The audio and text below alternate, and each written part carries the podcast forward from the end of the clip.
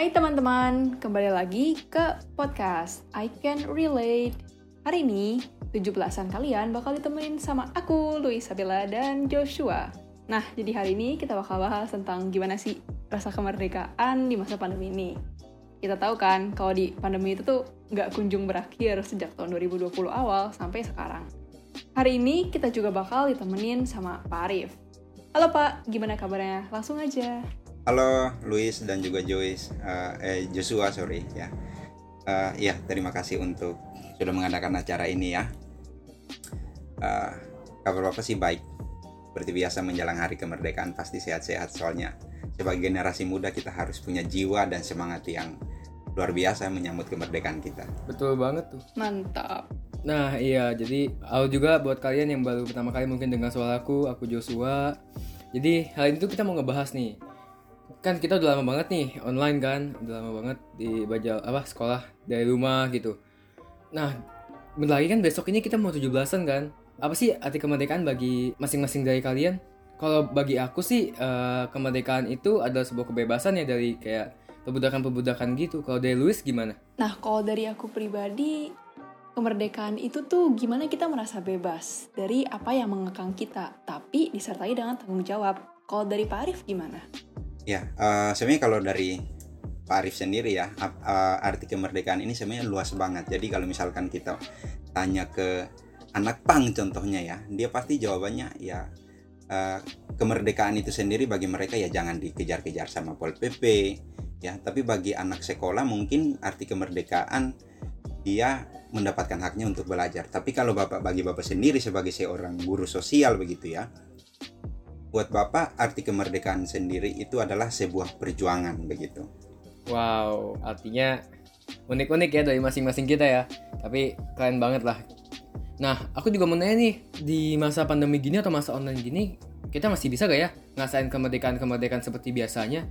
Kalau menurut Luis atau Pak Alif gimana? Pak Alif dulu deh. Oke, uh, di masa pandemi ini ya, ya sebenarnya kalau kita ngomongin uh, kemerdekaan di masa pandemi ini agak susah sih. Tapi seperti yang tadi uh, Bapak sudah bilang, kemerdekaan itu sendiri buat Bapak itu adalah sebuah perjuangan. Jadi sebenarnya itu tergantung perasaan pribadi lagi sih kalau ngomong tentang kemerdekaan.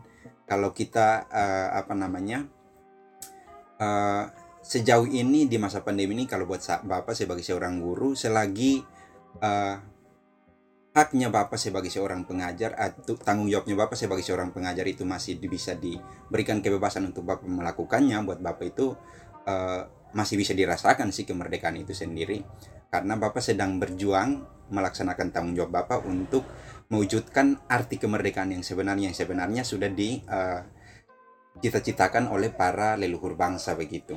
Jadi buat Bapak masih terasa sih arti kemerdekaan itu. Mantap. Wah, mantap mantap. Kalau menurut Luis? Nah, kalau menurut aku, kemerdekaan itu tuh kita tetap bisa lakuin di mana aja ya. Karena kemerdekaan itu lebih bukan ke perayaannya, tapi feel-nya. Gimana kita bisa tetap berkontribusi bagi bangsa, tetap bisa melakukan tugas-tugas kita, dan overall aku setuju sih sama statementnya Pak Arief barusan. Nah iya, aku juga setuju tuh sama uh, pendapat pendapat kalian gitu, kayak tentang di masa online ini kita bisa kok upacara di mana aja, bahkan kayak kita cuma depan laptop atau depan HP gitu kita juga bisa gitu loh bisa ngasain upacara bareng hormat di depan uh, apa HP atau laptop atau device lainnya walaupun memang enggak sesuai dengan uh, biasanya kita harus baris gitu kan. Hmm, tapi kalau dari hal itu mungkin kita sekarang cuma bisa online ya jarak jauh gitu. Tapi ada gak sih hal yang bisa kita lakuin buat bisa tetap ini nih bisa biar tetap berkontribusi gitu biar bisa men menjadi dampak buat Indonesia gitu ada gak sih kalau menurut menurut aku sih uh, banyak yang mungkin kita bisa berkarya uh, bagi Indonesia lewat online secara internasional maupun nasional gitu. Kalau uh, menurut Pak Alif itu gimana ya?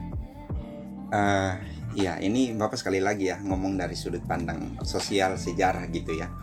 Jadi kalau misalkan Bapak belajar dari sejarah gitu, kemerdekaan itu sebuah perjuangan, tapi kalau kita belajar dari sejarah sebelum kemerdekaan, pejuang kita pun ada dua uh, generasi begitu. Ada yang berjuang pakai otot itu terbukti dalam tanda kutip ya gagal. Tapi ada juga yang berjuang pakai otak begitu.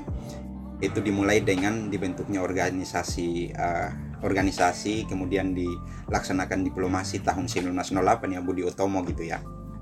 Itu mereka berjuang pakai otak. Dan untuk hari ini sebenarnya kita pun uh, apa ya masih bisa berkontribusi bagi bangsa di mana kita menggunakan otak kita, kapasitas uh, daya berpikir kita secara maksimal supaya kita bisa berkontribusi bagi bangsa. Kita bebas kok, misalkan ngomongin tentang ekonomi, kamu bebas tentukan uh, apa ya, apa yang mau kamu kembangkan, inovasi dan kreasi apa yang mau kamu kembangkan untuk bisa mendapatkan sesuatu atau bebas belajar dan lain sebagainya. Buat Bapak itu adalah sebuah kontribusi yang bisa kita lakukan sesuai dengan kapasitas kita masing-masing begitu. Wih, mantap.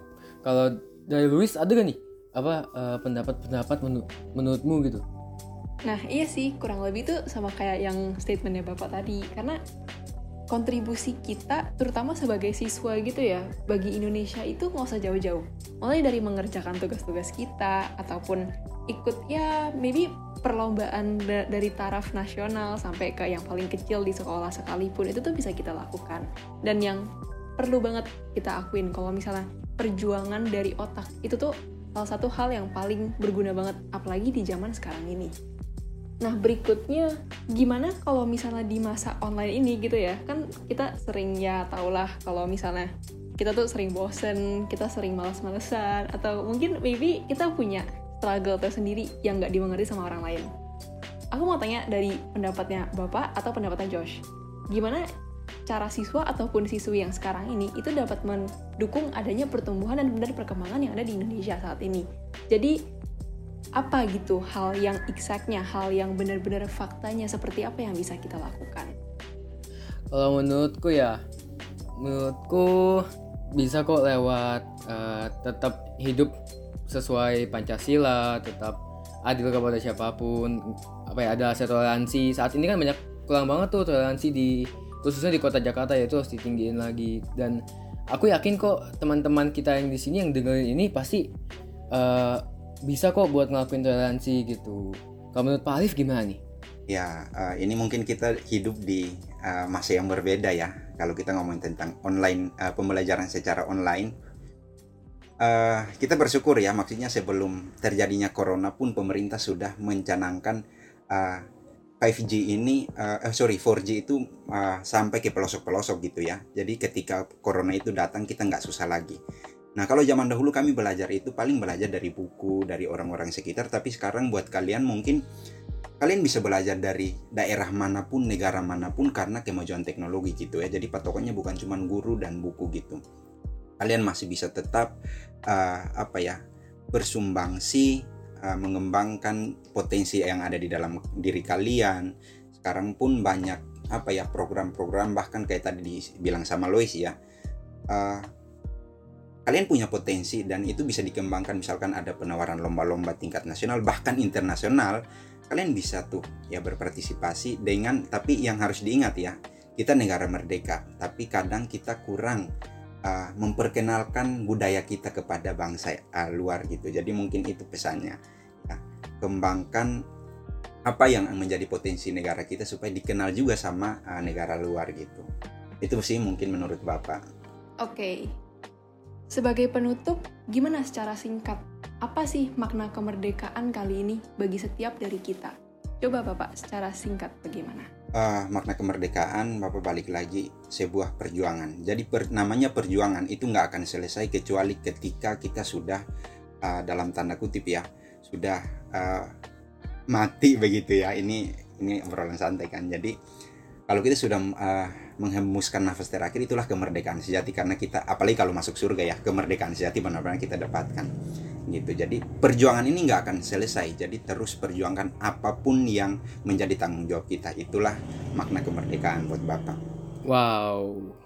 Jawabannya sangat sangat mantap ya. Ini sekali ya sangat keren sekali ya nah jadi tadi itu obrolan-obrolan pendek kita Semoga berguna bagi kalian. Terima kasih juga yang udah dengerin uh, podcast ini. Sampai bertemu lagi di podcast-podcast I Can Relate selanjutnya. Dadah. Bye. See you. Terima kasih Bapak. Terima, Terima kasih, kasih Josh sudah ya. mau hadir di podcast ini. Terima kasih juga Luis, uh, Luis dan juga Yusua. Terima kasih juga untuk uh, pendengar setia dari podcast I Can Relate ya. Sampai ketemu lagi. Bye bye. Sampai ketemu lagi.